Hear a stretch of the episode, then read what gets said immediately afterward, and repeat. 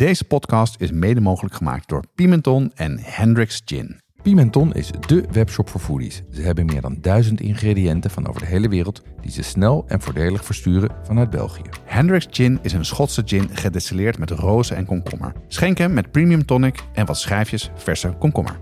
Ook bij ons geldt geen 18, geen alcohol. Jeroen, wat mislukt er nou bij jou echt vaak in de keuken? Niks, toch? Nee, niks. nou, nee. Er is ik- één. Ik heb, ik heb één Achilleshiel, Jonas. En dat Eentje is, maar. dat, dat, is een, dat is een vanillecustard. Dus zo'n Oké. vanillesaus gebonden met eigelen. Die bindt bij mij nooit. En dan ga ik kunstgrepen uithalen met maizena of heel veel extra eh eh, eidooiers. En dan heb ik ineens een soort van ding waar ik plakken van kan snijden. Het lukt me nooit om een mooie vloeiende vanille. Is echt. Dus ik doe het ook gewoon niet meer. Er staat Stop op, ermee. Staat op het menu. Diepe haat.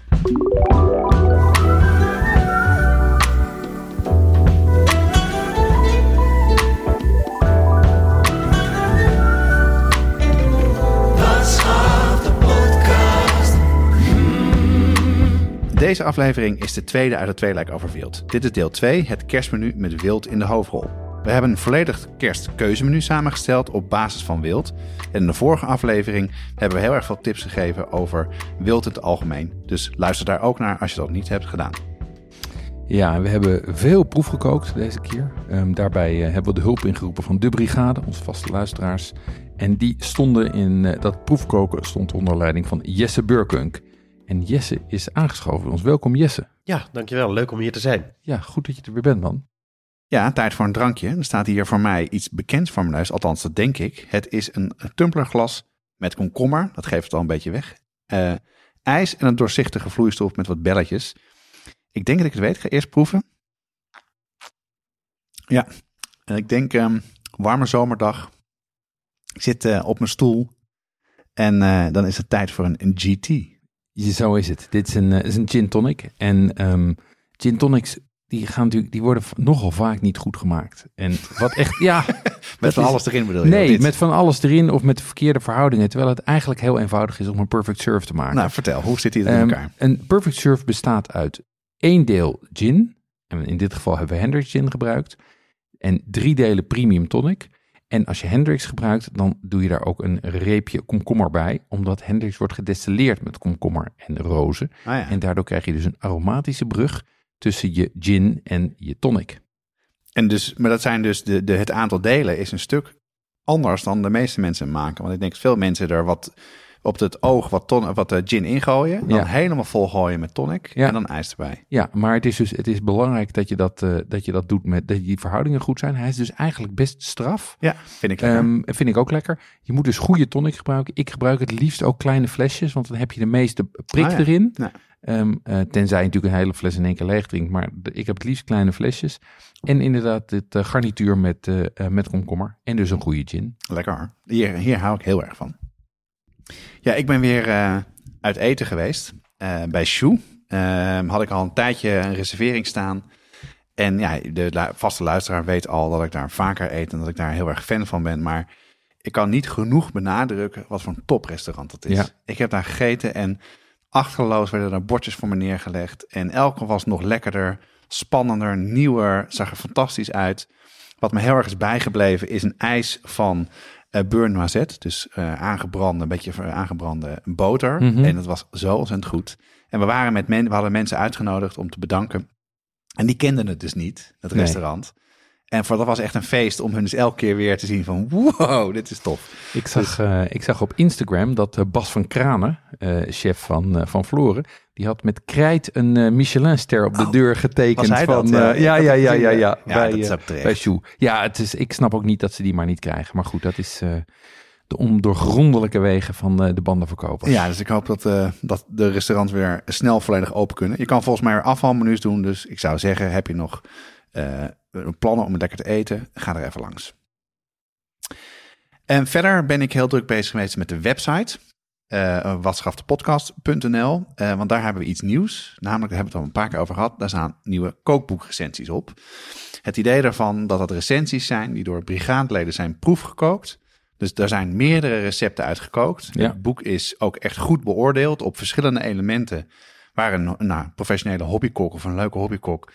eh, wat belangrijk voor die zijn, diegene zijn. En het idee is ook dat brigadeleden daar eh, dat kunnen lezen... en voor zichzelf goed kunnen bepalen of het boek interessant is om te kopen of niet. Er staan nu een aantal op. En de komende tijd zullen er steeds meer nieuwe op verschijnen. Dus kijk op de website onder het menu kookboeken. En dan zul je de eerste recensies kan je lezen. En eh, de eh Cato van Paddenburg, die eh, heeft eh, dit helemaal op haar genomen. Is er al maan, eh, lang mee bezig. En eh Cato, ontzettend bedankt voor al je tijd en je moeite. Het eh, gaat zich uitbetalen. Dus ga vooral naar de site. Als je toch op de site bent, laatste reminder. Tot aan kerst hebben brigadeleden 15% kort- korting op de messen van Moes. Die staan in de, in de winkel. Dus eh, zoek je nog een kerstcadeau. eh, klik dan meteen op een van die messen aan. Die zijn echt zeer aan te raden. Ja, over kookboeken gesproken. Er viel bij mij een eh, ruim 450 pagina's dikke boek op de mat. Ehm, van Yigal Krant, Tel Aviv ehm, eh, eh, Vegan. En dat sloeg ik vol enthousiasme over, open. Maar dat enthousiasme nam op een gegeven moment wel af. En dus het is een.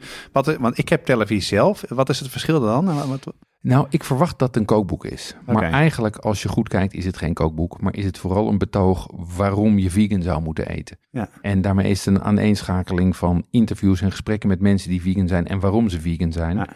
En daartussendoor staan wat recepten. Maar ja, er staan 100 recepten in een boek van 450 pagina's. Ik was er als kookboek niet van onder de indruk. En je had, jij eh, sloeg het open als verwachting van een leuk kookboek met Ja. vegan interessante gerechten. Ja. Want in Tel Aviv wordt daar fantastisch van gekookt. Wat is nou je, en dat viel dus een beetje tegen. Waarom dan? Wat, wat viel je daar, wat sprak Om- je er niet in aan dan? Omdat het geen kookboek is, maar het is een boek over waarom je vegan zou moeten zijn. Het is een, beroep, een, een boek met argumentatie om vegan te worden. Oké. En dat, Nou, daar koop ik geen kookboek voor. nee, dat is Nee. waar. Ja. Nee. Oké. Nou, maar wel, en wat, wat is er mooi aan het boek dan? Het ziet er prachtig uit. ehm, en het is, ik denk, als je overweegt om vegan te worden of graag vegan, of vegan bent en dat, eh, dat wil blijven, dan sterkt dit je zeer en helpt dit je met argumenten om tijdens het kerstdiner de discussie met de rest van je familie te voeren. Ze hebben genoeg geen munitie om de gesprekken aan te gaan. Plenty. en al. mooie foto's. Ja, oké, mooi. Hey, en verder, wat heb je nog meer gedaan?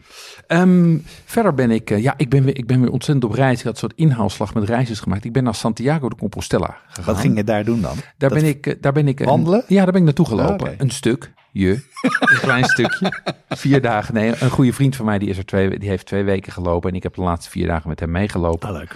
En ik ben in Santiago geweest en daar was ik 30 jaar geleden al eens geweest. En dat is culinair gezien ook een fantastische stad. Echt dan? een ontdekking. Nou, het ligt natuurlijk in Galicië en dat is echt seafood heaven. Ja, dat- Alle mooie seafood, ook in de rest van Spanje, komt voor een groot deel uit Galicië. En dus dat je struikelt daar over de, eh, de, vooral de verse vis en schaal- en schelpdieren. En het leuke is, er is gewoon centrale markt, zo'n Mercado de Abastos, die je Ja? in veel eh, Spaanse steden hebt. Maar hier zitten daaromheen zitten kleine zaakjes die vaak eh, van sterrenchefs of bijna sterrenchefs zijn, waar je de dingen van de markt eenvoudig bereid kan eten. En die zijn onwaarschijnlijk lekker, want het product is zo goed en dat wordt er dus, nou ja, letterlijk gewoon, weet je, mosseltjes gestoomd, maar wel perfect vers, heel betaalbaar. En daaromheen zitten dus dan weer die sterrenrestaurants. Nee. Dus het is culinair echt een feest. Dus als je gaat, die wandeling gaat maken, ga niet dan na een dag meteen weg, maar besteed wat tijd om daar lekker te gaan eten. Ja, ik ben daar twee, nacht, twee dagen gebleven en ik had er nog wel twee kunnen Ja, ja. blijven. En voor de mensen die niet weten waar Galicië ligt, dat ligt in het noordwesten van Spanje, vlak aan de kust, hè? Ja, ja dat, ligt, dat ligt boven Portugal, zeg maar. Ja. En het grappige is dat het cultureel gezien eigenlijk dichter bij Schotland ligt. Want ook qua tijdzone ligt dit nog weer ten westen van Ierland. Nou, Oké, nou goed. Leuke, leuke plek om toe te gaan, denk ik. Ja, topplek. Jeroen, bij jullie thuis wordt toch veel hot sauce gegeten? Ja, dat klopt. Er staan eigenlijk altijd wel iets van vijf flesjes open. En elke paar weken is er eentje op. Dus dat gaat, eh, gaat behoorlijk hard. Maar waar, waar gebruik je het dan bij? Waar, waar, waar eet je het mee dan? Nou, mijn dochter houdt niet zo van heet eten, maar mijn jongste zoon juist wel. Ehm, eh, dus bij heel veel avondeten kiezen we dan zelf. Eh, Bij taco's, bij kip, bij gebakken rijst, dat soort dingen. Ehm, en overigens ook bij lunch- en ontbijtgerechten, tosties, gebakken eieren, pizza, alles. Pizza voor ontbijt. Slim, want dan kan je wel je eigen pittigheid bepalen. En pak je dan ook vaak de rijmakers, heetmakers sausen? ja, die zitten regelmatig in de roulatie. eh, juist ook omdat ze bijzondere smaak hebben en oplopen in pittigheid. Ja, en wat ik er zo leuk aan vind, ze zijn prachtig vormgegeven. Eh, hoe komen luisteraars aan deze flesjes? Ja, je vindt rijmakers, heetmakers op heatsupply.nl of vraag ernaar bij je delicatessenzaak. Oké mannen, het kerstdiner met wild. Uh, jullie zijn er ontzettend druk mee geweest, veel uh, dingen gedaan. Um, daar gaan we het uh, nu over hebben. We gaan vooral recepten behandelen, volgens mij toch? Mm -hmm. dus jullie gaan vertellen wat jullie gema gemaakt hebben en gekozen hebben. maar we hebben al drie afleveringen over kerst gemaakt. En die zijn denk ik, als je je kerst gaat voorbereiden, je menu, goed om even te luisteren. Uh, de podcast nummer 11 gaat over het kerstmenu zelf. Ja. En er zitten ook wat ve vegetarische tips in. Uh, van het menu wat jij een keer hebt gemaakt. En vorig jaar hebben we een battle gedaan tussen het Franse en het Engelse menu. Dat is 35 en 36. En daar zit ook heel veel uh, inspiratie in. Zeker um, de, het kerstmenu wat we als eerste gemaakt hebben, nummer 11, daar staan heel erg veel tips in. Misschien goed Jeroen om daar even een samenvatting te geven om ons geheugen op te frissen en ook een beetje wat tips hoe je de kerst goed kan aanpakken. Ja, als je, als je een rustige en succesvol kerstmenu wil hebben, is het belangrijk om je te realiseren dat het eigenlijk vooral een logistieke uitdaging is, meer dan een culinaire uitdaging. Dus je logistiek en hoe je het plant en wat je, de keuzes die je maakt, moet daarin leidend zijn. Oké. Okay. Um, want de meeste mensen krijgen niet elke dag 6, 8, 10, 12 mensen met 6, 8, 10, 12 gangen te eten. Dus dat moet leidend zijn. Um, verder is, helpt het om je keuzes te maken om vanuit een thema te werken. Mhm. Het helpt het met het maken van de keuzes. En bovendien vinden mensen dat prettig, want dan herkennen ze en begrijpen ze de samenhang. Um, ik ben ervoor om eenvoudige dingen te koken. In ieder geval, Ah, ja? want je, ja, je maakt al veel gerechten. Dus zorg dan dat een gerecht uit maximaal drie of vier componenten bestaat. Ja, ja. En niet dat als, want als elk gerecht ook nog eens uit elf componenten bestaat. dat is mijn fout. Ja, maar dan ga je gewoon de mist in. Um, bereid alles voor. Probeer zo min mogelijk last minute dingen te doen. Dus letterlijk als je je kruiden van tevoren kan plukken, pluk je kruiden van tevoren. Als je je saus kan reduceren, reduceer je saus van tevoren. Als je je vlees kan aanbraden, braad dat vast aan. Alles zoveel mogelijk voorbereiden. Um, kook voor je publiek. Dus realiseer je dat je niet voor je medefoodies en wat schat podcastluisteraars aan het koken bent. Maar dat je voor je schoonfamilie of, of de aangetrouwde of de buren aan het koken bent. En die hebben lang niet altijd zo'n ingewikkelde smaak. Dus je kookt eigenlijk voor, laat ik zeggen, je minst ambitieuze publiek. Um, en daarom is het dus ook belangrijk dat je goed rekening houdt met, laat ik zeggen, wat populair is. En dat is waarom wij in de keuze van het menu ook ervoor hebben gekozen om de brigade daarbij te betrekken. En van hen te horen wat zij nou eigenlijk, wat zij aantrekkelijk vonden klinken.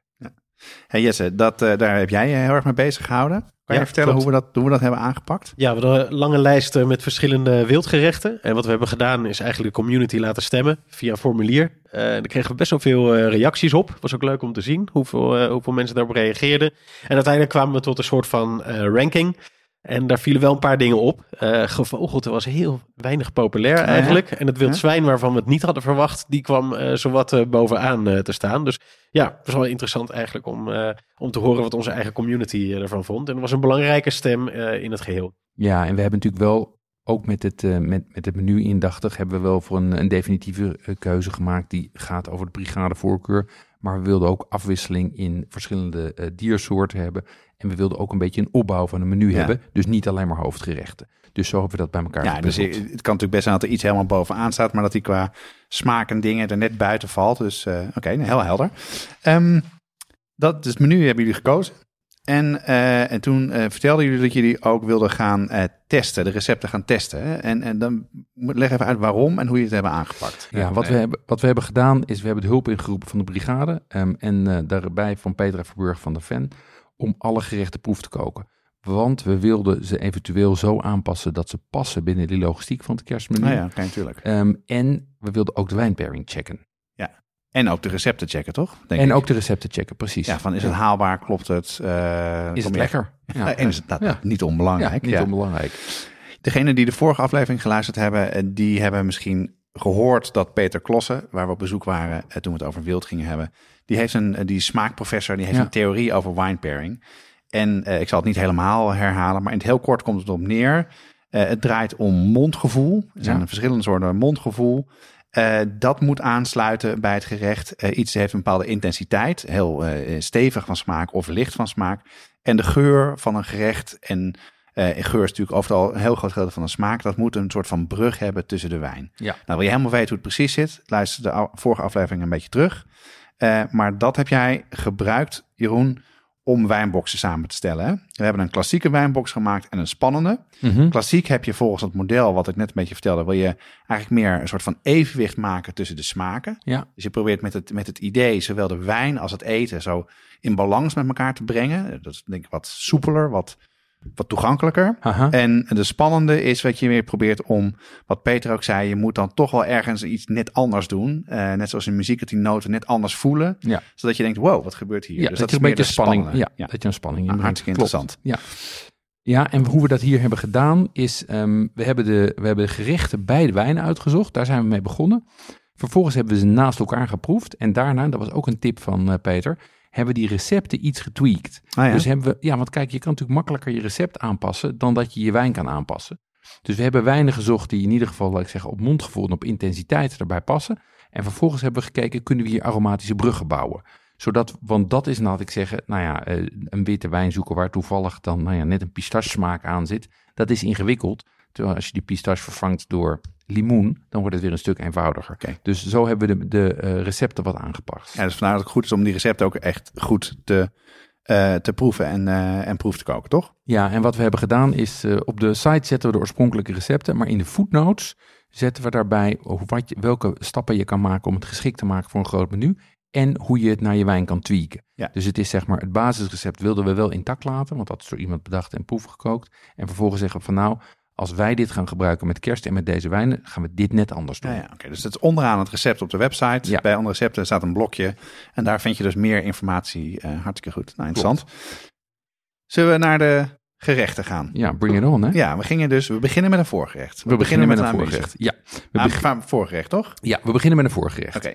Ehm, Wat heb jij uitgekozen? Jan? Wat ik heb uitgekozen eh, is een ballotine van fazant. Daar Ja. werd ik op getipt door Timo de Beurs van Slagerij de Beurs. Ehm, en dit komt uit een, eh, uit een boek van Stéphane Renaud. Dat is toevallig een boek wat eh, Petra ook gebruikte. Heel klassiek eh, boek. Ehm, en een ballotine is feitelijk een gevulde, een gevulde fazant in dit geval, waar eigenlijk een paté in zit. Oké. Ehm, en dat is, het ziet er heel spectaculair uit, want je laat de pootjes eruit steken. Dus het ziet er eigenlijk uit alsof je gewoon nog een hele fazant hebt. Maar vervolgens kan je daar gewoon plakken van snijden. En daar blijkt dan paté aan de binnenkant in te zitten. Het ziet er mooi uit op tafel. Het ziet er mooi uit op tafel. Een van de tips van eh, het kerstmenu, zorg dat je een goede binnenkomer hebt. Ja. Je kan hem helemaal voorbereiden. Ehm, en omdat het een redelijk neutraal gerecht is, kan je hem in zijn smaak naar de wijnen toetrekken. En dat is wat we hier nu ook gaan proeven. Oké, proeven dus. Er, precies, proef hem even. En ik, wat ik heb gedaan is, ik heb twee varianten gemaakt. ehm, waarbij we in de een, in, met die ballotine, eh, daar doe ik calvados in. En daar serveer ik een, eh, salade naast van groene appel, biet. En die is, dat sluit aan bij de droge groene appel, Oh. mineralige smaken van de, eh van de Dierler KD Edelzwicker Reserve. Dus dat heeft een beetje een appelsmaak. is dat, hè? Dat is de klassieke, exact. En de spannende, dat is degene die jij nu proeft. Daarin, zit, eh, daarin heb ik de calvados vervangen door rum. En daar zit een saladetje bij van eh, gemarineerde rode kool. Met een heel klein beetje passievrucht en mosterd. Nou ja. Het is lekker dit, zeg. En als je die witte wijn erbij proeft, dan zal je merken dat daar aromatische bruggen zitten tussen de, tussen de witte wijn, de, ehm, eh, de, tussen de witte wijn, de fazant en de salade. Oké, dus ik neem een hap van... En hoe, hoe weet ik nou welke ik aan het eten ben? Dan moet ik natuurlijk proeven. Ja, dit is de, dit is de spannende, zeg maar. Met rum dus. Mhm. Dat is echt heel lekker. Dit. Heel lekker sappig is die. Wat ik eh, een probleem vaak een beetje vind met patés-achtige dingen. Dat het zo droog is. Dit is echt goed op smaak. Heel lekker. En dan ga ik nu even proeven hoe het verschil is. Als ik dan de wijn ga drinken. En waar heb je naar gezocht dan? Ik, wat ik probeer, wat ik merk, is dat de, weet je, de rondigheid eh, achter in mijn neus. Mhm. Dat, het, dat het een beetje eenzelfde soort smaakprofiel heeft als... ehm, Als je die wijn ruikt, dan ruik je dat die, dat die exotisch, eh, nou, exotisch fruit eh, ruikt. Maar dat heb je er teruggebracht in de, in de Precies, salade. precies. Nou ja. Dus er zit, er zit eh, exotisch fruit, een beetje mango, een beetje passievrucht zit in die wijn. Ehm, en dat Nou ja. komt vanuit die, tra, uit die traminer. En die heb ik dus in die salade gebracht. Maar heel subtiel. Ik bedoel, passievrucht, je zou, als je denkt passievrucht in koolsalade, dan krijg je een soort van Solero-idee. Dat is het niet. Nee, maar wat is- ik heel goed, wat knap vind, de wijn zelf ehm, heeft eenzelfde soort intensiteit en smaak als ehm, de ballotine, Ja, heeft die romigheid. Hè, dat is de, wat is het? Ja, de romigheid was een van, Ja. de, een van de drie elementen. Die Aha. hebben ze allebei. En de intensiteit is ook goed. Dus nou, ja, heel goed gekozen. ja is goed gekozen, hè? Ja. En ik heb hem dus, en, en de variant met klassiek, die is dus ook, eh, die, die werkt ook. Wat vind jij, Jesse? Ja, ik haal die, eh, dat geurprofiel er ook wel uit. Dus het is inderdaad subtiel, maar het is zeker eruit eh, te halen. En een beetje dat filmige, of dat, dat romige, dat Mhm. complementeert ook heel mooi. Dus eh, absoluut goede, Lekker, goede man. pairing. Ja, echt top. Nee, dat is echt heel erg lekker dit. Ehm, Jesse, wat heb jij gemaakt als voorgerecht? Ja, ik ben aan de slag gegaan eh, met een recept eh, uit het recent verschenen Altijd Zondag van Wil Deemant. Ja? Eh, prachtig boek, Franse, eh, Franse schoolrecepten. ben ik niet zo heel bekend mee ook. Dus voor mij was dat ook meteen een, eh, een, een leuke learning om eh, ja, een beetje die keuken te verkennen. Ik ben meer van het Aziatische eh, normaliter, dus voor mij een leuke verkenning. En ik heb de lauwwarme salade van kwartel, tuinboontjes en kwartel-eitjes met een mayonaise van Pedro Ximenez azijn gemaakt. Daar zat wat gepofte knoflook en een levercrouton eh, bij. Klinkt al heel goed, hè? Dat is het goed, ja. Lauw warm. Ja, tik- precies. Aziatisch. hè? Ja, nee, dat, eh, dat kwam helemaal goed. Het, het is een vrij licht gerecht. Hè. Het klinkt als heel veel ingrediënten, maar overal is die best wel, eh, best wel licht. Komt ook door een kwartel. Kwartel is een licht gevogelte. Ja. Ehm, toch bijzonder. Je kan het mooi opdienen, mooi qua kleur. En die mayonaise die maakt het, eh, die maakt het heel mooi af. Die Pedro Ximenez azijn, je kan ook balsamico gebruiken. Ik zou er niet, te- niet te strikt op zijn. Maar die zorgt voor een mooi zoetje eh, erbij. Dus een mooi geheel. Absoluut een goed, eh, eh, goed recept. Ik had hem iets te weinig op smaak gebracht. Dat is ook even wennen als je voor het eerst met Franse eh, keuken aan de slag gaat. Zorg dat je in zout water kookt. Alles voldoende zout. Zodat alle smaken echt goed naar voren komen. Ja. Goed proeven tussendoor, maar zorg dat het echt op smaak is. Daar had ik van kunnen leren. Ik ben zelf overigens geen leverfan. Nee, maar dit, dit recept heeft er wel voor gezorgd om dat opnieuw te gaan waarderen. Korter bakken, goed op smaak brengen. Ja, complimenteer- complimenteerde eh, de rest heel erg goed. Het was een, een fijn, eh, fijn voorgerecht. Hey, en wat vonden ze er thuis van, van het gerecht? Eh, even wennen. Eh, eh, ook, ook lever. eh, ja, want je hebt twee kinderen en ja, vrouw, nou, de, de, de kinderen begonnen er niet aan. Ah, Het is ook, Nee. ik, ik heb ook de vogeltjes moeten onthoofden en zo. Dus dat is natuurlijk ook... de intro was niet, niet, niet heel geschikt. Ehm, nee, dus mijn vrouw die vond hem, vond hem goed. Maar moest ook even wennen. Franse keuken, wat, wat minder explosief dan ze gewend is ja. van mij.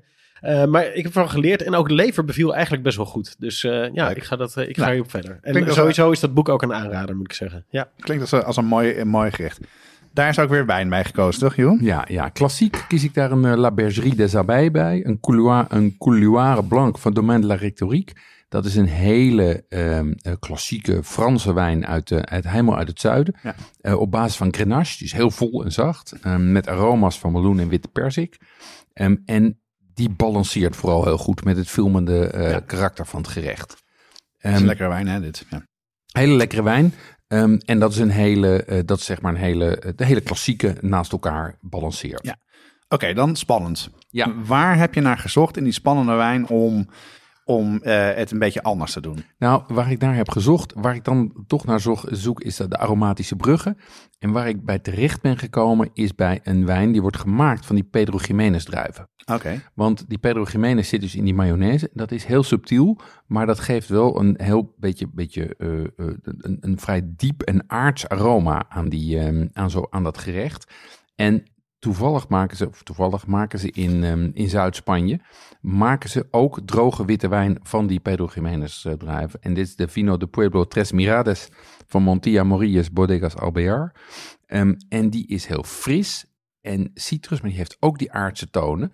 En daarmee krijg je dus dat je die aromatische brug krijgt tussen het gerecht en de wijn. ja. Maar ook weer witte wijn, hè, dit. Ook weer een witte wijn. Dus bij maar- wild toch ook wit. Ja, maar, maar dit is natuurlijk een kwartel. Die is al redelijk dat is Ja. gematigd, Ja. wild.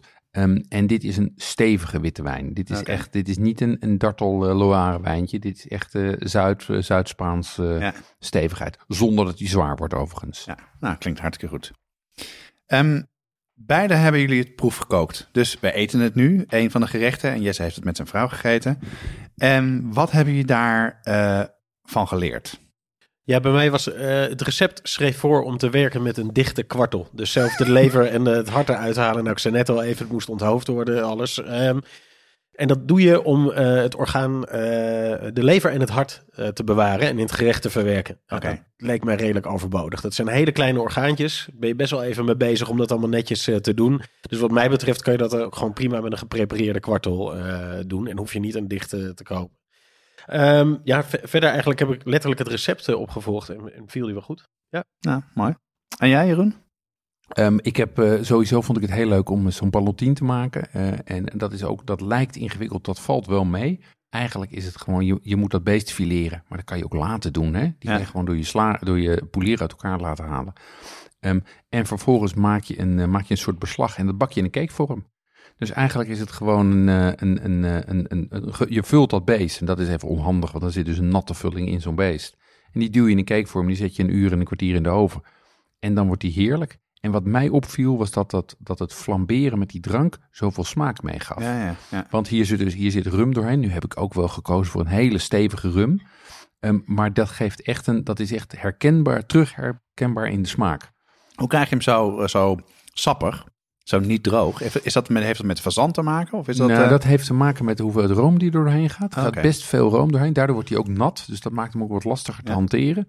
Ehm, en dat heeft ook te maken met het feit dat er lever doorheen zit. Ook hier weer zit Nou ja. eh, kippenlever doorheen. Ja, ik weet zeker, als je dit voorzet voor iemand die eh, niet van wild houdt, dat vindt hij heerlijk. Ja. Dus het is echt een mooi begin met een beetje een soort basis, niet al te heftige smaak, maar het is wel met een goede punch. Dus nee, heel goed gekozen. Oké, komen we bij de twee tussengerechten. Ehm, daarvan hebben we de hulp ingeroepen van, van Petra, eh hebben we al eerder genoemd. Zij is brigadelid, eh, Ja. ook een enorme eh, fanatieke en hele ervaren kok. Absoluut. Daar Ja. heb jij veel contact mee gehad en met haar gesproken. En kan je even vertellen wat haar ervaringen waren en, en wat, ze, wat ze gemaakt Ja, heeft? zeker. Dan begin ik even bij het eerste gerecht waarmee ze aan de slag ging. En dat was de ragout van duif. Oké, En haar ervaring is, dat is een recept overigens van Bruno Doucet. Ehm, en haar ervaring is dat het een vrij complex recept is. Dus als je dit gaat maken, begin er op tijd mee. Lees het goed door, maak een planning. Eh, want zij, je, zo, je zegt het al even, ze is een erveren kok. Ja, dat zou je wel zeggen. Ja, want En- zij is echt, echt ervaren. Dus, Exact. Eh, ze had zelfs eh, duivenbouillon al klaarstaan en zo. Dat zegt wel iets over, eh, over haar skills. Ja, shout-out to Petra, absoluut. En, eh, en ook dank voor alle hulp eh, daarbij. Ja. Ehm, dus ja, je moet heel goed kijken wat je allemaal van tevoren kan doen, juist bij dit eh, gerecht. Ehm, verder, het recept zelf, het is uitgebreid, zijn veel stappen, maar het recept zelf is vrij beknopt. Oké, Eh, dus eh, dus het is een lang recept. Maar als je de stappen gaat volgen, dan moet je echt goed nadenken. Dus. Moet je goed nadenken en er lijken ook wat stapjes te ontbreken. Dus het voorverwarmen Ah, van de oven. eh, wat, wat details die toch wel belangrijk zijn als je het goed wil maken. Dus door een ervaren kok een recept gemaakt Ja, waarschijnlijk. precies. Professionele kok. Ja. Ja, precies. Dus dat ga je zien. Dus wij, wij gaan dat zeker in de notities opnemen. Om hem Ja, even eh, compleet te maken. Zodat iedereen ermee aan de slag kan. Ehm, maar verder was zij heel erg eh, tevreden over, eh, over het eindresultaat eh, daarvan. Ja. Mooi. Hey, bij ragout denk ik aan pastijbakjes en mooi gebonden. Is dat in dit recept ook hetzelfde? Nee, dat is het niet. Hier wordt het vlees gewoon rosé gebakken, omgeschept met wilde paddenstoelen en zo geserveerd. Het is dus iets anders dan ik ook in mijn hoofd had. Nou ja. ja. En had Petra verder nog tips? Ehm, ja, ze had wat eh, eh, kleinere aanvullingen. eh, over het schoonmaken bijvoorbeeld. Het schoonmaken van de duif kost je best wel veel tijd. Er wordt ook niet veel aandacht in het recept aan besteed. Ja, dat zijn ook allemaal dingen die we in de notities gaan, gaan meenemen. Zou ik ook gewoon door je, door je poelier laten doen. ik zou zeggen, fi- fileer die, fileer die duif maar. Of maak hem schoon voor mij. Want dat kan hij natuurlijk allemaal zelf doen. Eens. Petra, ontzettend bedankt voor al je hulp. Vooral al je tips. Die staan dus in de recepten erbij. Lees die vooral als je het wil gaan maken. En we zullen even een link naar haar eh, profiel op Instagram eh, zetten op de show notes. Want dan, daar zie je dus hoeveel ze kookt en hoeveel ze er bezeten van is. En dat is echt zeer aan te raden. Ja, ik heb hier ook hier hebben we natuurlijk weer eh, wijnen bij gezocht. Ehm, de uitdaging is dat, eh, dat duif eigenlijk al best hoog op smaak is. Ehm, eh, maar je wil in je opbouw toch nog een redelijk lichte wijn hebben. Dus ik heb twee lichte rode wijnen uitgezocht. Ehm, de eerste is een uh, Vernatsch eh, Medivium uit Zuid-Tirol. Dat is een Italiaanse Vernatsch. Ehm, die is heel sappig met kersen en een beetje peper. Die is licht voor duif, maar die kan het aan. En het pepertje uit die eh, wijn, die slaat een aromatische brug naar de kantarellen. Want kantarellen hebben soms ook een beetje iets peperigs. Dus dat is een hele mooie klassieke pairing. Als je meer spannend gaat, dan zou ik voor de uh, Kruger Senso Old Vines gaan. Dat is een hele verrassende rode wijn. Um, eh, die heeft, als je, hem, als je hem drinkt of als je hem ruikt, ruikt hij naar vuursteen. En hij lijkt bijna Oh, wow. een, een witte wijn in de smaak. Ja? Um, En daar komt wat rood fruit achteraan. En dit is mijn absolute favoriet in de wijnbox. Eh, wijnbox spannend. Het is een ontzettende verrassende rode wijn. Ehm, laat ik zeggen, de pairing hier is, is gewoon prima. Maar die wijn op zichzelf is echt een feestje. Ja, leuk. Dus Ja. ja. ja, die vond ik ook heel leuk. Dus het is dus zowel qua gerecht als qua wijn. Kom je echt gewoon, eh, maak je een mooie stap in het, eh, in het menu. ja, hiermee. absoluut. Ja. Volgens mij heeft Petra nog iets gemaakt, toch? Ja, dat ik klopt. het goed heb gezien en Zeker. de mails heb gelezen. Ja, absoluut. Zij heeft ook eh, de dubbel getrokken wildbouillon met eh, paddenstoelen gemaakt. Wat is dubbel getrokken? Nou, dubbel getrokken is feitelijk dat je eerst trek je de bouillon van, eh, eh, meestal van de karkas en eh, de botten en al dat soort dingen. Dan zeef je hem en filter je hem. En vervolgens laat je hem nog een keer trekken met eh, gemalen vlees of gehakt. Oh. En dan, dus eigenlijk haal je hem gewoon twee keer over. En met die tweede keer, eh, daarmee eh, clarifieer je hem ook meteen. Ja. Dus je gooit dan zowel dat vlees erdoor als vaak ook eiwit. Soms Ja. ook alleen met vlees. En daarmee, laat ik clarifieer en geef je meer smaak. Ja, en clariveren betekent dus dat je dus eigenlijk de, wat in de, in de soep zit, Ja, de troebele de troebele dingen, die, Ja. die hechten zich aan, aan de eiwitten. En dan krijg je een hele mooie, Heldere. doorzichtige, heldere, heerlijke bouillon. Exact. Wat was haar ervaring dan? Ja. Nou, zij is zelf heel ervaren met het maken van eh bouillons. Oké. En zij vond het recept ergens een beetje verdacht. Eh, Hoezo dan? Nou, er werd niet eh, afgeschuimd. En eh, dat zette haar aan het denken. Waar we het net over hadden. Exact. Ja, en ja. Ze, wil, eh, ze wilde wel zeker weten of dat, hoe dat zou uitpakken. Dus ze heeft eigenlijk drie recepten gepakt. Het originele recept. Serieus? Zeker. Eh, ze heeft de cordon Oh, bleu eh, methode eh, ge- genomen en een favoriet recept van eh Joop Braakhekken. En ze heeft ze eigenlijk naast elkaar vergeleken. Oké, en? Ehm, uiteindelijk kwam ze uit op haar favoriete methode van die van eh, Braakhekken. Ehm, ja, die kwam gewoon beter uit qua gelaagdheid, eh, qua smaken. Ehm, ja, voelde gewoon een stuk beter eh, voor haar. Dus we zullen die recepten ook eh, opnemen in de show notes. Oh, wat leuk, ook leuk. Er komen dus, dus meer recepten op de site staan Zeker. dan alleen het menu. Nou, top. Goed, nu komen we bij de pièce de résistance, het, het hoofdgerecht. Eh, ook weer twee ehm, gerechten gekozen. Eh, Jesse, ik begin bij jou. Wat Ja. heb jij gekozen en gemaakt? Ja, ik ben eh, aan de slag gegaan met het eh, eh, recept de wild zwijnnek met schorseneren, gnocchi en vossenbessen uit het boek van Peter Klossen, de Wildbijbel. Ehm, ja, geweldig recept. Voor mij de eerste keer ook dat ik echt met een vers geschoten wild zwijn aan de gang ging. Ehm, ik heb hem wel iets anders aangepakt, want het recept eh, vraagt om het confijten in de pan. Dat betekent 24 uur op 92 graden in ganzenvet. Eh, dat heb ik iets anders aangepakt omwille van praktische redenen. En eh, daar heb ik een sous vide bereiding van Ah ja, gemaakt slim, slim. op eh, 65 graden. Dan, heb je het, dan bereik je eigenlijk hetzelfde effect, maar heb je er geen omkijken naar. Ja? Dus ook een absolute tip natuurlijk in de voorbereiding van een, van een complex diner. En wat verder opvalt aan het recept is dat het uit heel veel verschillende onderdelen bestaat. En dan hou je vast. ehm, het zijn aardappelkaantjes, dat zijn kleine gefrituurde eh, aardappeltjes. Eh, een homemade gnocchi zit erbij. Eh, er zitten schorseneren chips bij. Een schorseneren brunoise zit erbij. Gefrituurde schorseneer. En uiteindelijk moet je ook nog een schuim maken van hoorntjes des overvloed, een paddenstoel. Dus als je dat zo bij elkaar optelt, is dit eigenlijk een compleet kerstdiner in één dish. Maar je hebt het gemaakt, toch? Ik heb het gemaakt in twee delen. Eh, ik kwam gewoon niet uit qua, qua tijd. Eh, Nou moet ik zeggen, ik heb een kleine keuken. Ik was misschien een tikkeltje te laat begonnen. Ehm, dus het, het, het was wat complex. Dit is nou typisch zo'n recept waarbij je het gewoon goed moet eh, lezen van tevoren. En goed moet gaan bedenken, wat is hier garnituur? Wat is hier essentieel? En wat kan ik eventueel weglaten? Wat gaat passen in mijn pla- planning? Uiteindelijk gaat het natuurlijk om het wild zwijn. Dat is het, het, het hoofdbestanddeel van dit, Ja. eh, dit recept. En ja, daar doe je één garnituur bij en daar doe je iets anders bij. Maar daar moet je daar ook mee ophouden, denk Ah, ik. Dus ja. dat is uiteindelijk de keuze die je, die je kan maken. Ik zou bijvoorbeeld in deze zou ik gaan voor die eh, gnocchi. Als je die zelf maakt, hartstikke lekker met een, eh, met een goede wildsaus erbij. Maar het gaat om de kern. Dat is het wild zwijn. En die was fantastisch. Ja, Jesse die kwam hier binnenlopen eh, met een sous zak. Dus ik hoopte al een beetje dat hij iets te eten had meegenomen, net zoals Jeroen. Ehm, dus de wild zwijn ligt nu voor onze neus, Jesse, toch? Ja, dat klopt. Die heb ik in kleine stukjes gesneden, zodat we het even makkelijk kunnen eten. Dus dat we, gaan we eerst proeven en dan de wijn eh, drinken? Ja. Je hebt hem nu eh getrancheerd. Dat is wel het handigste even voor nu. Dat heb ik ook één eh, keer gedaan. Eh, het recept schrijft voor dat je hem even in plakken snijdt, in de bloem wentelt en heel kort even aanbakt.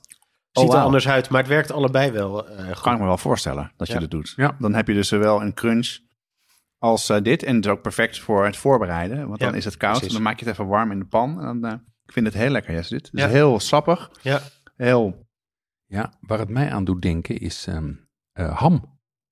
Ik vind het een beetje... Qua structuur of ja, qua smaak? qua structuur en Ja. smaak. Ja, alleen het heeft wel echt Nou, dat smaak- wildaroma. Smaak wel Ja. anders. Het is wel Ja. dieper. Het is veel dieper. Ja, het heeft echt een wildsmaak. Ehm, Ja. Maar ik vind het heel lekker. En wat, het natuurlijk, wat natuurlijk knap is, is dat het heel mals is. Ja, hij is heel mals en goed op, op smaak ook. Ja. Dus echt wel... eh, En dit is, al- wat, wat heb je aan smaakmakers in dat zakje erbij gestoken? Ehm, hij is eerst in de pekel geweest. Hè? Dus Aha. voor de sous vide Ah. heeft hij 24 uur in de pekel eh, gelegen. dat Dat, is natuurlijk wel even belangrijk. vandaar misschien ook wel de link met een ham of dat soort dingen. Ja. Ja. En dat is ook eh, met kruidnagel, eh jeneverbessen, peper, Kijk, laurier, kijk, tijm. kijk. eh, Ja, ja, 24 ja, ja. uur. En dan nog eens 24 uur sous vide met een beetje ganzenvet. Oh, wauw. Ja, dat, Ja. Nou, dit is wel... ehm, Dat is lekker hoor. dit vind ik wel lekker. Ik zit Ja. hier wel serieus over na te denken om het te gaan maken met kerst. aanraden. Ehm, er is ook weer wijn ingeschonken. Ja. Ehm, ehm, Ik heb hierbij ingeschonken ehm eh, Ribera del Duero, eh, een, eh, een, een, een Roble, dus dat is zeg maar een gewone eh Ribera del Duero van Dominio de Bornos. En als je die proeft, zit die vol met zwoelrood fruit. Hout en ook wat... Fruit, toch? Ja, Fruit. Fruit. Anyway. dat krijg je hè, als je weinig gaat proeven. Ja. Ehm, Nee, Jeroen spuugt alles uit hoor, dus dat is niet waar. Eh, dus dit is. eh, eh, en, en er zit wat hout in. En hij heeft ook wat milde kruidigheid. En dat Ja. legt natuurlijk een hele mooie brug naar die specerijen in dat, eh, in dat wilde zwijn. Werkt Absoluut, ja. goed. ja. Dit is de klassieke of de spannende? Hmm. Dit is de spannende, maar Ja. eigenlijk is het bij het hoofdgerecht zo. We hebben twee hoofdgerechtwijnen en we hebben twee hoofdgerechten. We komen zo nog bij een ander hoofdgerecht. Deze eh, ehm, eh, eh, wijn gaat het best bij dit hoofdgerecht.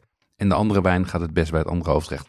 Daar hebben we iets meer de, laat ik zeggen, spannend versus klassiek losgelaten. Ja. Het is wel een iets meer eh, eh, spannende wijn, omdat die natuurlijk wat minder Frans is, zeg maar. Lekker ja. Goeie combinatie hoor. Echt eh, lekker, Jesse, dit. Ja, en die combi is ook echt goed. Ja. Dat, eh Goed, neem nog een stukje. Wat jouw hoofdgerecht? Nou, heb ik net mijn mond vol Ah, maar, Lekker man. Ja, mijn hoofdgerecht is, ehm, eh, is een ribstuk van hert. Ehm, en dat komt ook uit het boek van eh, Bruno Doucet. Ja. Ehm, en ribstuk van hert is natuurlijk eigenlijk gewoon een hele rug, de coteletten zeg maar van de rug van een, eh, van een hert. Ziet er spectaculair uit, want dan heb je dus zo'n hele lange string met rood vlees met die, eh, al die botjes eraan. Netjes afgeschraapt en dat soort Netjes dingen. afgeschraapt. En als je wil, kan je die ook nog opbinden tot een kroon. Dus dan trek je Oh, hem zeg maar rond. En dat is natuurlijk spectaculair binnenkomen. En zeker als je family style gaat, dan zeg ik, dan zet je zo'n zo'n kroon op tafel. En dat is een, is een fantastisch eh, gezicht.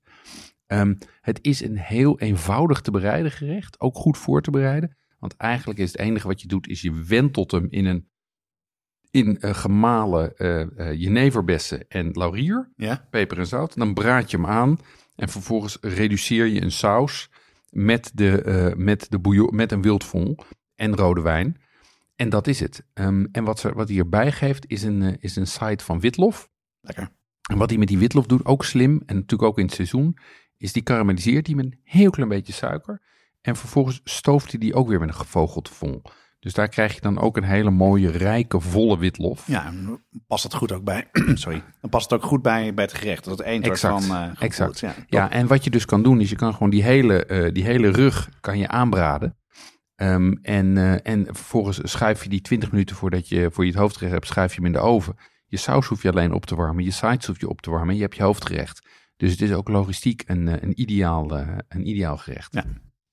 Ik heb helaas geen stukje meegenomen. Nee, maar heb je het wel gemaakt? ik heb het gemaakt. Ja. Wij vonden het erg lekker, maar eh, ik had een stukje voor jullie bewaard. En toen kwam ik op eh, zaterdagochtend beneden. Toen zat mijn dochter van, eh, van 12, zat die als ontbijt op te eten. Serieus? Ja. Ja. Nou, dan ga ik binnenkort wel even langs dan. Ja. maar goed, dus geslaagd. Ook, Ja, zeer geslaagd. Ja. dat was opvallend, want ik dacht mijn kinderen zullen wild wat ingewikkeld vinden, maar hert vonden ze ideaal. En dit vonden ze echt perfect. Ja. Dat, is mijn, dat is mijn ervaring ook van de vorige keer, de vorige aflevering, dat, we, dat voor mij hert ook totaal anders smaakt, kan smaken dan ik kende. Dus ik kan me dat goed voorstellen. Ja, en zeker als je boerderijhert neemt, wat het, laat ik zeggen, het merendeel van het hert is wat je kan krijgen, dat heeft toch een wat mildere en ook voorspelbaardere smaak dan als je geschoten eh, vrij wild neemt. ja. Dus dat is een keus die je kan maken Nou ja, om het toegankelijk te maken. Welke wijn heb je hierbij gekozen? Ja, hierbij heb ik een uh, Rouge, een Coturon Village van uh, Domaine uh, Pelaquier gekozen. Um, en dat is een hele volle, krachtige wijn met zwart fruit en, en ook weer laurier. En die laurier slaat hier een hele mooie aromatische brug naar, de, um, uh, naar, het, uh, naar het hert. Ja. En bovendien zit er de drogende tannines eh, van, het, van het hert. En eh, dro- drogende tannines van de wijn combineert met natuurlijk dat vette van het rode vlees. Ja. Dus dat is ook echt een, eh, een match made in heaven. Leuk. En het grappige is, het is een van de, laat ik zeggen, meest eenvoudige wijnen uit de box. Ehm, maar die pairing met, dit, eh, met dat hert is echt ideaal. Nou, het is bijna jammer dat het klaar is, jongens. Ja. ik vind het, eh, we beginnen net in te komen. Dus dat vind ik wel heel goed teken. Want dat betekent dat het ook op het kerstmenu met de, de verschillende soorten smaak die we nu al gegeten hebben, dat dat goed past. Ehm, jullie zijn er flink mee bezig geweest, ook veel over gelezen. Ehm, wat, eh, wat voor eh, adviezen hebben jullie nog naar de luisteraar, Jeroen? Nou, sowieso luister nog even die kerstmenu-aflevering eh, voor je aanpak. Want dat helpt echt eh, om, daarin, eh, om daarin je keuze te maken. Ehm, inspiratie, die kan je ook uit de andere afleveringen halen. Ik kan me heel goed voorstellen dat je hier in dit menu, dat je niet helemaal wild gaat. Ehm, ik ga zelf ook geen zesgangen wildmenu kopen. Gewoon omdat ik het too much vind. Maar dit zijn natuurlijk bij uitstek gerechten om er een paar uit te, te pikken. Bijvoorbeeld de ballotine en het hert. Of bijvoorbeeld het wild zwijn en, ehm, eh, en de bouillon. Ja. Dus eh, ik zou dat zo aanpakken. Ik zou daar mix en match in doen. Ja. En om het voor jezelf behapbaar te houden, zou ik er ook voor kiezen om er bijvoorbeeld nog wat, in, wat een, één of twee vegetarische eh, gerechten tussen te zetten. En misschien om één of twee gerechten te halen, erin te doen die je kan afhalen. Want nu we naar een periode gaan waarin er waarschijnlijk weer de horeca weer dicht is met de kerst, zal je zien dat die weer met allerlei eh, afhaalaanbiedingen Ja. komen. Ik sprak Timo, eh, Timo de Beurs, die mij tipte op die ballotine. Die zei, ja, wij gaan weer pies afhalen. Ja. Nou ja, dat is natuurlijk ook een perfect tussengerecht, een pie. Hoef je Ja. niks aan te doen in de overschuiven, klaar. Dus dat zijn, eh, dat zijn mijn tips voor deze kerst. Ja, en hij is van Slagerij de Beurs in Amsterdam. hè? Ja, fantastisch restaurant. Jesse, eh, jij bent er ook heel erg mee bezig geweest. Ook veel gekookt. Wat ik niet wist, maar je net vertelde, is dat het ook een andere keuken is dan je gewend bent. Ja, wat wat heb jij daarvan opgestoken en geleerd? Nou, vooral ook weer, ik heb het net al even gezegd, maar dat recept gewoon heel goed vooraf lezen. En ook kijken van waar dient ieder ingrediënt voor. Hè? Zeker als je eh, eh, bepaalde Franse gerechten hebt, of, of wat chicere gerechten zo, zo gezegd. Ehm, sommige ingrediënten zijn puur alleen voor de kleur. Of zitten er alleen maar in als garnituur. Ja, die kan je eigenlijk wel een beetje overslaan. Dus Ja, vereenvoudig het gewoon voor jezelf. Eh, ik ben best wel veel wezen omfietsen voor een bosje kervel, bijvoorbeeld. ja, en dan kom je erachter dat je er een eh, theelepel voor nodig hebt om wat kleur aan het gerecht te geven. Dus maak het jezelf gewoon wat makkelijker. Lees de dingen goed voor. En qua boodschappen doen, eh, de voorbereiding, eh, doe onderzoek. Kijk waar je aan goed wild eh, kan komen. Luister inderdaad de vorige afleveringen even terug. Petra maakte nog even een notitie over treuren in de eh, omgeving van Rotterdam. Ja. Er schijnt een hele goede bron te zijn van, eh, van goede kwaliteit wild. Ja. Dus dat wil ik ook even gezegd eh, hebben. Eh, ja, doe je onderzoek eh, goed. Ja. En, en wat denk ik ook goed is, is we gaan bij die recepten die we hier natuurlijk hebben gepubliceerd, gaan we ook de, erbij zetten wat je kan overslaan.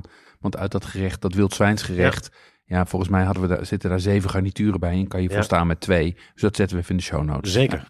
En ook eh, in, de, in de show notes van de vorige aflevering Wild, daarin staan ook een lijstje met poeliers van Ja. eh, goede, betrouwbare ehm, eh, adressen waar je dus wild kan halen. Waaronder dus ook de tip die Peter had gedaan. Die zat er, zat er ook nog tussen. Nou, we hebben uitgebreid stilgestaan bij de wijnen en bij de gerechten. Daar heeft Jeroen echt heel erg veel tijd in gestopt, samen met Okhuizen. Dus zeer de moeite waard. Het is ook een mooie prijs. Hè? Misschien nog even goed om uit te leggen. De wijnboxen hebben we gefocust op value for money. Dus niet te dure wijnen, maar heel, eh, met hele hoge kwaliteit. Dus eh is waarschijnlijk al genoeg kosten die je maakt met een kerstdiner. Dus dit is ook wat dat betreft een heel goed betaalbare box. We hebben twee boxen gemaakt. Een klassieke voor 7, eh, 70,50 euro. Er zitten dus zes flessen in. En een spannende voor 69,75 euro. Er zitten twee verschillende witte in. Er zitten twee rode in. En het hoofdgerecht wijn is een, eh, dezelfde wijn die er twee keer in zit. Dus je hebt uiteindelijk eh, vijf verschillende wijnen. Waarvan je de laatste dan meer van hebt. Of om door te drinken. Of om te bewaren. Er zit ook een bijzonder aperitief in. En eh, wat hebben we daarvoor gekozen, Jeroen? Ja, daarvoor hebben we een, dat is eigenlijk een last minute toevoeging. Ehm, de, de Le Grémenou Crémant de Limoux is een heerlijk mousserende wijn van Okhuizen. En die eh, wordt gemaakt met, een, eh, met de methode traditioneel, dus eigenlijk zoals het in de champagne doen. Ehm, en die is net verkozen door Decanter tot de Crémant nummer, tot nummer 1 in de Crémant tasting van 2021. Kijk eens aan. Dus dat is een dikke prijswinnaar. En ehm, ik vond hem al heel lekker, maar ik dacht dit is een mooi argument om ook een flesje daarin te steken. Ja. Als je deze keer niet kiest voor een gin tonic. Ja, dan heb je in ieder geval een bubbeltje om, eh, om het eh, kerstdiner eh, vre- feestelijk mee te beginnen. Om, aan deze, uh, boxen te, om deze boxen te bestellen doe je het volgende. Je gaat naar www.okhuizen.nl slash podcast. Daar staan de verschillende boxen in. Er staat ook een omschrijving van alle wijnen en ook de recepten staan daarbij. Kies je je box en die wordt door heel Nederland bezorgd. En speciaal voor brigadeleden hebben we een korting geregeld. Die betalen namelijk geen verzendkosten. Hoe dat werkt, details daarvan ontvangen jullie uh, zodra deze aflevering live staat in de mail. En als je de box krijgt, zitten ook de recepten zitten erin. Dus die kan je ook uitgeprint op tafel leggen. En dan of uitkoken of bewaren voor een volgende keer. Jonas, één puntje. Eh, in de vorige aflevering had jij het over een zevengangen uh, diner. Maar ik tel er maar zes. Waar is die zevende gang van jou? En de toetje bedoel je? Een toetje, of, ja. Of, nou, dat hebben we eigenlijk bewaard voor volgende week. dus we gaan volgende week. normaal zijn jullie gewend dat we om de twee weken met de aflevering komen. Maar dat is dan vlak voor kerst. Dus we leken ons goed om daar even één weekje naar voren te brengen. En dan gaan we het hebben over de kaasplank. En dan gaan we een battle maken. Jij hebt een kaasplank uitgekozen en ik. En luisteraars mogen gaan beslissen welke de beste is. En daar zitten heel erg veel tips over kazen die je kan kiezen uh, voor na het kerstmenu. En wat je daarmee kan doen en hoe je die moet eten, wat belang van, et cetera, et cetera. Dus een hele leuke aflevering. Ik zou daar zeker naar luisteren. Ja, en het, wat een extra leuk is, is dat we dat doen met de heren van, uh, van de Kaaspodcast, Joppe en Lieve. Daar hebben we al een keer een aflevering mee gemaakt. Um, en omdat het dus volgende week is, is dat nog ruim op tijd voor de kerst. 16 december komt deze online. Sneller dan je gewend bent van ons. En we hebben weer wat uh, leuke reacties uh, ontvangen. Um, en daar gaan we er weer eens twee van voorlezen. En de eerste is uh, met als titel Skip de talkshows, luister hiernaar. Heel goede tip. Geweldig alternatief voor alle praatshows op tv. Elke podcastaflevering geeft mij inspiratie om dingen zelf in eigen keuken te proberen. Vakkundig gemaakt, zeer informatief en met veel humor. En als podcast de echte knusse radioervaring. Heren, keep it going. Die is van een radioluisteraar. En we hebben ook een hele leuke uit België. En die heet Een Super Aangename Podcast. En ik zal niet in de val trappen om te nee, proberen mijn Belgische accent te zetten. Doen, want dat doen. is, heb ik één keer gedaan. Dat is geen succes. um, uh, uh, Jonas en Jeroen zijn schitterend om naar te luisteren. Ook als best ervaren kok haal ik steeds weer tips en tricks uit hun gezellige samenkomen. En krijg ik de groesting om zelf weer aan de slag te gaan. Dankjewel hiervoor. Lieselotte van der Veken via Apple Podcast uit België.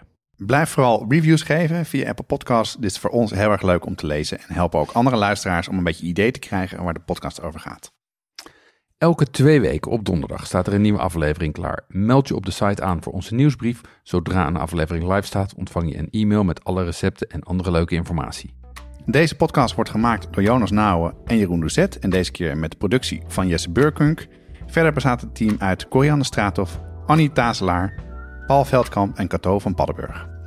En met speciale dank voor Petra Verburg van der Ven voor het proefkoken en de tips. De muziek is gecomponeerd door Nico Brandsen en Ton Dijkman en uitgevoerd door Mel en Vintage Future. Reacties kun je sturen naar jeroen.watschaftepodcast.nl of jonas.watschaftepodcast.nl of je stuurt een DM via Instagram, Facebook of Twitter. Ik zou zeggen tot de volgende week. Tot volgende week. Tot volgende week.